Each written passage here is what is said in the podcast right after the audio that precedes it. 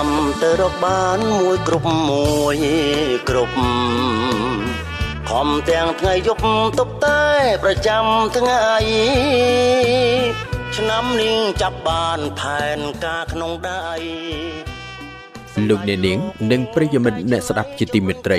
ពីមួយឆ្នាំទៅមួយឆ្នាំវិស័យកសិកម្មមានការរីកចម្រើនជារៀងរាល់ឆ្នាំ ក្នុងនោះ ផលិតកម្មសត្វដែលតួនាទីយ៉ាងសំខាន់ក្នុងការផ្គត់ផ្គង់ម្ហូបអាហារ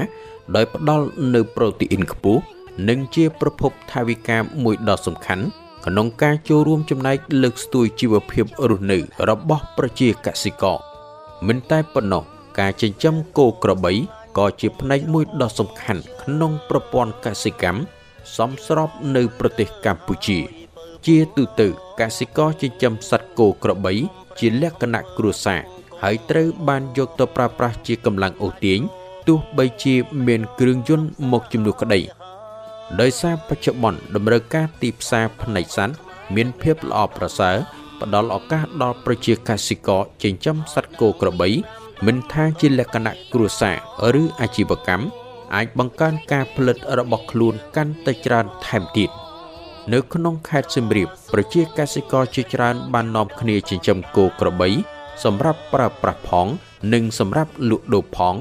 ដើម្បីបង្កលក្ខណៈងាយស្រួលដល់ប្រជាកសិករនិងកសិដ្ឋានចិញ្ចឹមគោមួយចំនួន នៅក្នុងស្រុកដែលត្រូវការជាចាំបាច់នៅពូជគោល្អល្អងាយស្រួលក្នុងការចិញ្ចឹមនិងថែទាំនោះមន្ទីរកសិកម្មខេត្ត បានផ្ដល់បច្ចេកទេសក្នុងការបង្កាត់ពូជគោសពនិមិត្តដល់ប្រជាកសិករតទៅនេះសូមលោកអ្នកនាង ស្ដាប់បទយកការរបស់វិទ្យុជាតិកម្ពុជា ស្ដីពីកសិករនៅក្នុងខេត្តសៀមរាបនិយមបង្កាត់គោសពនិមិត្តដោយសារចំណេញពេលវេលានិងមានតម្រូវការទីផ្សារខ្ពស់សម្ដេចលោកកាយឆ្នៃជំរុញការដាំដុះ ជាកាំងមាសហើយប្តីសំឡាញ់ចិត្តក្រហេតុព្រោះត្បិតខ្ជិលហើយគិតខំមិនប្រែងមិនប្រឹងប្រឹងតែបន្តលោកអ្នកនាងស្ដាប់ជាទីមេត្រីបច្ចុប្បន្នការចិញ្ចឹមគោក្របីរបស់ប្រជាកសិករនៅតែជួបប្រទះនៅបញ្ហាប្រឈមជាច្រើន ដែលអាចរាំងស្ទះដល់ដំណើរការផលិតកម្ម ដូចជាកត្តាជំងឺ ការថែទាំ ជាពិសេសការបង្កាត់ពូជតកតងទៅនឹងការបង្កាត់ពូជគោបើតាមមន្ត្រីជំនាញបានបង្ហាញថា មានពីររបៀបសំខាន់ គឺការបង្កាត់លក្ខណៈធម្មជាតិនិងការបង្កាត់បែបសិប្បនិមិត្តអាស្រ័យដោយបច្ចេកវិទ្យាចេះតែមានភាពជឿនលឿនកសិករភាគច្រើននិយមជ្រើសរើសការបង្កាត់ពូជគោតាមបែបសិប្បនិមិត្ត ដោយសារការបង្កាន់ឆាប់ទទួលបានជោគជ័យហើយប្រភេទពូជសត្វគោធំធំសាច់ច្រើន មានតម្រូវការលើទីផ្សារខ្ពស់លោកយឹមសុវណ្ណអ្នកបច្ចេកទេសបង្កាត់ពូជសិប្បនិមិត្តសត្វគោនិងជ្រូកនិងជាភ្នាក់ងារសុខភាពសត្វភូមិនៅក្នុងខេត្តសៀមរាបបានឲ្យដឹងថា លោកចាប់ផ្ដើមមុខរបរបង្កាត់ពូជគោសិប្បនិមិត្តតាំងពីឆ្នាំ2017មក ទើបតែក្នុងឆ្នាំ2020រហូតមកដល់សប្តាហ៍ថ្ងៃហាក់ទទួលបានការចាប់អារម្មណ៍ពីកសិករនៅតាមផ្ទះនិងតាមកសិដ្ឋានខ្នាតមធ្យមលោកបន្តថាការបង្កាត់ពូជគោសពនិមិត្តដោយប្រើមេជីវិតសត្វគោធំធំ ដែលនាំចូលពីប្រទេសផ្សេងផ្សេង សំខាន់ផ្ដោតទៅលើគោសាច់ឬគោខ្នាតកណ្ដាលរបស់កសិករដើម្បីឲ្យការបង្កាត់ បានជាពូជតាមតម្រូវការ មានមាឌធំចិញ្ចឹមឆាប់ធំលូតលាស់ល្អសាច់ច្រើន មានតម្រូវការទីផ្សារនិងអាចលក់ចេញ បានតម្លៃសមរម្យ នៅខេត្តសៀមរាបរបស់ខ្ញុំខ្ញុំចាប់ផ្ដើមយកប្រកាសពី2017មកដល់ឆ្នាំ2020បានវាមានសន្ទុះក្នុងការចិញ្ចឹមគោមកវិញបានខ្ញុំចាប់ផ្ដើមធ្វើសពមិត្តថ្មីលើកទី2ម្ដងទៀតមកដល់រាប់ថ្ងៃហ្នឹងហើយប្រកាសសពមិត្តនឹងវាស្រួលជាងយើងប្រកាសធម្មជាតិដោយសារធម្មជាតិទី1វាយើងដឹកមេយកទៅដាក់បាប្រើពេលរយឆ្ងាយហើយពូជហ្នឹងក៏វានៅមានកម្រិតមួយដែរកម្រិតវាជាប្រភេទវាអត់ចំពូជឈាមសុទ្ធអីចឹងណាកន្លែងដែលល្អគឺចង់និយាយថាទី1គឺវាមិនគួរថ្នាក់ដល់មេបាទទី2វាឆ្លងរោគវាឆ្លងរោគពីបាទៅមេពីមេទៅបាតាមប្រដាប់បន្តពូជរបស់បានិងមេហ្នឹង3ហ្នឹងទិន្នផលក្នុងការចិញ្ចឹមរបស់យើងក៏វាមិនស្មើនឹងការប្រកាត់ពូជដែរការប្រកាត់ពូជនេះគឺចេញកូនមកគឺវាល្អហ្មងលោកយឹមសវណ្ណបានឲ្យដឹងទៀតថាការបង្កើតបែបសិប្បនិមិត្តគឺជាបច្ចេកទេសនៃការយកមេជីវិតពីសត្វកូបាហើយរក្សាទុកឲ្យនៅរស់រួចយកទៅបញ្ចូលក្នុងស្បូនរបស់មេកូនៅពេលវារោគឈ្មោល ចំណែកប្រភេទពូជគោដែលនាំយកមកបង្កាត់ពីប្រទេសជិតខាង មានពីរប្រភេទពូជប្រាម៉ាន់និងឥណ្ឌូប្រេស៊ីល ដែលសិតតែជាប្រភេទពូជគោល្អៗមានក្រងឆ្អឹងធំ ងាយស្រួលចិញ្ចឹមនិងមានតម្រូវការខ្ពស់លើទីផ្សារ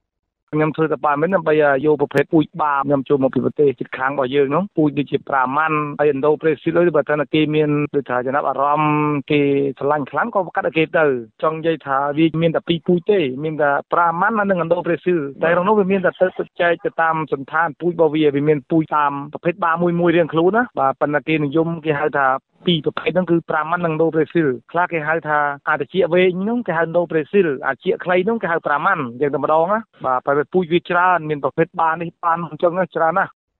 អ្នកបច្ចេកទេសបង្កាត់ពូជសត្វសពនិមិត្តរូបនោះបានបន្ថែមថា ចំពោះមេជីវិតសត្វគោដែលយកមកបង្កាត់នាពេលបច្ចុប្បន្ននេះ ជាពូជដែលមានមាឌធំសាច់ច្រើនហើយកូនមក កាត់ទៅបាបាន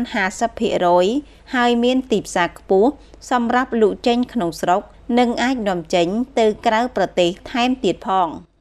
ពូជហ្នឹងវាមានមៀតធំសាច់វាច្រើនហើយយើងយកមកប្រកាត់ជាមួយនឹងមេយើងនៅក្នុងស្រុកវាគុណមកល្អគុណកាត់ណាវាអត់ជឿនឈាមគ្នាជាមួយនឹងប្រកាត់នឹងពូជយើងវាថាវាជឿនឈាមអញ្ចឹងយើងនាំចូលពូជនឹងមកប្រកាត់វាឲ្យគុណមកស្អាតហ្មងចំនួនទី1យើងអាចបានឈាម5ម៉ាន់ហ្នឹង50 60%ដែរសាច់ច្រើនហើយយើងអាចប្រកួតប្រជែងទីផ្សារបានដោយសារសម័យឥឡូវគេទិញគូគេក្លឹងគីឡូ1គីឡូ14000គេឈប់ទិញម៉ៅទិញអីហើយស្មានហ្នឹងឈប់ហើយតែទិញក្លឹងអញ្ចឹងគេត្រូវការរកប្រភេទគូនោះដែលមានសាច់ហ្នឹងទៅបានយើងក្លឹងគីឡូទៅបានគេយកទៅធ្វើការនៅទីផ្សារទៅវាចំណេញលោកយឹមសុវណ្ណបានរៀបរាប់បន្តថានៅក្នុងខេត្តសៀមរាបកសិករនិយមបង្កាត់សិប្បនិមិត្តនេះច្រើន មិនថាកសិដ្ឋានខ្នាតមធ្យម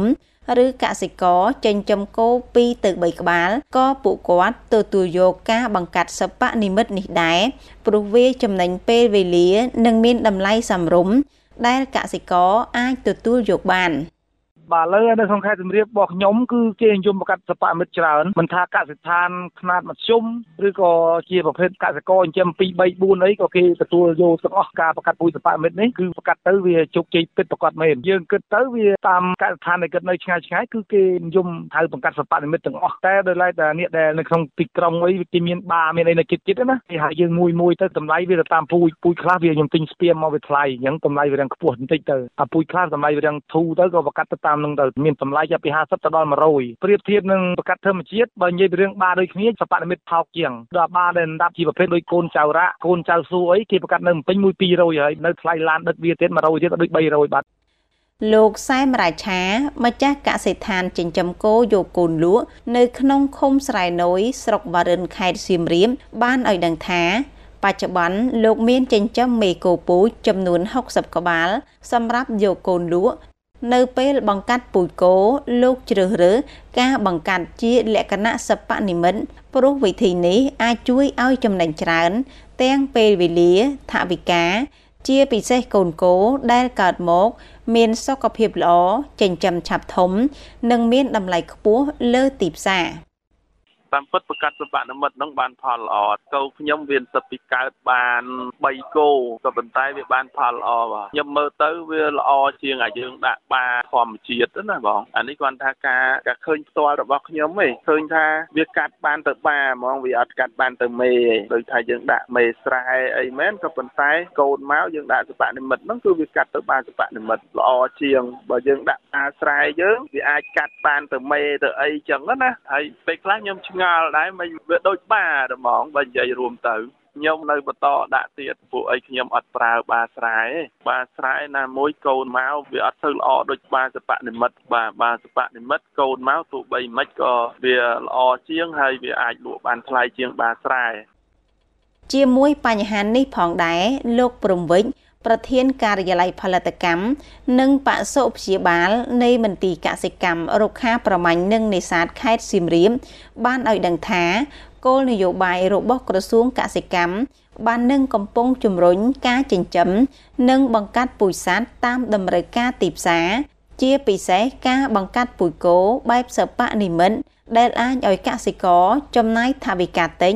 និងទទួលបានផលមកវិញច្រើន។ លោកបន្តទៀតថារយៈពេលប្រមាណឆ្នាំចុងក្រោយនេះពួកគាត់ហាក់មានការយល់ដឹងច្រើន ពីការអភិវឌ្ឍរីកចម្រើន ផ្នែកផលិតកម្មសត្វជាពិសេសការចិញ្ចឹមសត្វដើម្បីលក់ផ្គត់ផ្គង់តម្រូវការទីផ្សារដោយផ្ដោតទៅលើការចិញ្ចឹមបែបពាណិជ្ជកម្ម និងជ្រើសរើសការបង្កាត់ពូជបែបសិប្បនិម្មិតធ្វើឲ្យកូនគោមានគ្រោងឆ្អឹងធំចិញ្ចឹមធំធាត់លឿនមិនងាយឈឺគ្មានជំងឺតពូជជៀសវាងការចម្លងជំងឺពីបាទៅមេឬពីមេទៅបាចំណេញពេលវេលា មានតម្រូវការទីផ្សារនិងអាចលក់ចេញបានតម្លៃថ្លៃទៀតផង។ ការបង្កាត់គោសពនិមិត្តនេះរយៈពេល2ទៅ3ឆ្នាំចុងក្រោយយើងឃើញថាមានសន្ទុះរីកចម្រើនដោយសារនេះគឺជាតម្រូវការទីផ្សារទី1ហើយទី2ពាក់ព័ន្ធទៅនឹងការដែលចិញ្ចឹមគោជាលក្ខណៈប្រពៃណីជាលក្ខណៈលែងយើងមិនមានវាលស្មៅគ្រប់គ្រាន់សម្រាប់ធ្វើការចិញ្ចឹមលែងគោជាវងជាអីដូចពីសម័យមុនទេជាលក្ខណៈល្អគឺយើងជំរុញការចិញ្ចឹមគោពូជល្អយើងប្រើប្រាស់ទំហំដីតូចដោយយើងគ្រាន់តែដាំស្មៅនិងកែលម្អចំណីបំពន់ទៅគឺយើងធ្វើឲ្យសត្វចិញ្ចឹមរបស់យើងមានការធំធាត់លូតលាស់ហើយជាតម្រូវការទីផ្សារខ្ញុំលើកឧទាហរណ៍ថា ពីមុនគោយើងវាមានគោពូជលោកកាល់ហើយគោខ្មែរយើងគោកដោកឡាតហ្នឹងតម្លៃទីផ្សារមិនសូវជាបានថ្លៃប្រហែលទេជាមធ្យមពី500ទៅ1000ដុល្លារហ្នឹងយូរមួយឆ្នាំបាទហើយសម្រាប់គោដែលយើងបង្កាត់ដោយសិប្បនិម្មិត AI នេះគឺតម្លៃវាខ្ពស់មានទីផ្សារស្រួលលក់គឺតម្លៃចាប់ពី1000ទៅ2500សម្រាប់កូនគោដែលមានអាយុប្រហែលនឹង1ឆ្នាំ យើងអងមិនទិលហើយពើពុនលោកខំប្រឹងខំធ្វើប្រាក់គង់នឹងមកលោកអ្នកនាងស្ដាំជាទីមិត្តរីការជ្រើសយកវិធីបង្កាត់ពូជសានសពនិមិត្តនេះមកអនុវត្តនៅកម្ពុជា គឺជាចំណុចចាប់ផ្ដើមនៃការអនុវត្តគោលនយោបាយយុទ្ធសាស្ត្ររបស់ក្រសួង ក្នុងគោលបំណងបង្កើនផលិតកម្មសត្វសំដៅឆ្លើយតបបានគ្រប់គ្រាន់ ការផ្គត់ផ្គង់ឲ្យទីផ្សារក្នុងស្រុកព្រោះថាគុណប្រយោជន៍នៃការបង្កាត់ពូជសពនិមិត្តនេះមានច្រើន ដែលក្នុងនោះទី1ចំណេញពេល និងកម្លាំងពលកម្មទី2អត្រានៃការបង្កកំណត់ខ្ពស់ និងទី3កាត់បន្ថយជំងឺឆ្លងអគ្គនាយកដ្ឋានសុខភាពសត្វនិងផលិតកម្មសត្វបាននឹងកំពុងជំរុញគម្រោងស្ដីពី ការបង្កាត់គោដោយសពនិមិត្តដោយប្រើប្រាស់ទឹកមេជីវិតគោបង្កក់នាំចូល និងផលិតក្នុងស្រុកដោយសារការបង្កាត់សពនិមិត្តនេះមានអត្ថប្រយោជន៍ច្រើនយ៉ាង ដូចជាកូនគោមានគ្រោងឆ្អឹងធំ ចិញ្ចឹមធំធាត់លឿនមិនងាយឈឺគ្មានជំងឺតពូជជៀសវាងការចម្លងជំងឺពីបាទៅមេ ឬពីមេទៅបា ចំណេញពេលវេលា មានលក្ខណៈសាមញ្ញសុវត្ថិភាពសម្រាប់អ្នកប្រតិបត្តិងាយដឹកជញ្ជូនមេជីវិនទៅទីជនបទជាដើម បច្ចុប្បន្នគម្រោងនេះបានគ្របដណ្ដប់លើខេត្តគោលដៅចំនួន12មានខេត្តពោធិ៍សាត់តាកែវ ព្រៃវែងកំពង់ចាម កំពង់ស្ពឺ បាត់ដំបងឧត្តរមានជ័យកំពង់ឆ្នាំងសៀមរាបកំពង់ធំ បន្ទាយមានជ័យនិងខេត្តស្ទឹងត្រែង ហើយប្រជាកសិករក៏ដូចជាម្ចាស់កសិដ្ឋាន បានសហការចូលរួមទទួលយក សេវាបង្កាត់នេះយ៉ាងសស្រាក់សស្រាំនៅទូទាំងខេត្តគោលដៅនាងខ្ញុំធៀងស្រីមុំវិទ្យុជាតិកម្ពុជា ធ្វើសេចក្តីរាយការណ៍ពីខេត្តសៀមរាបគ្រួសារបបជុំរហ័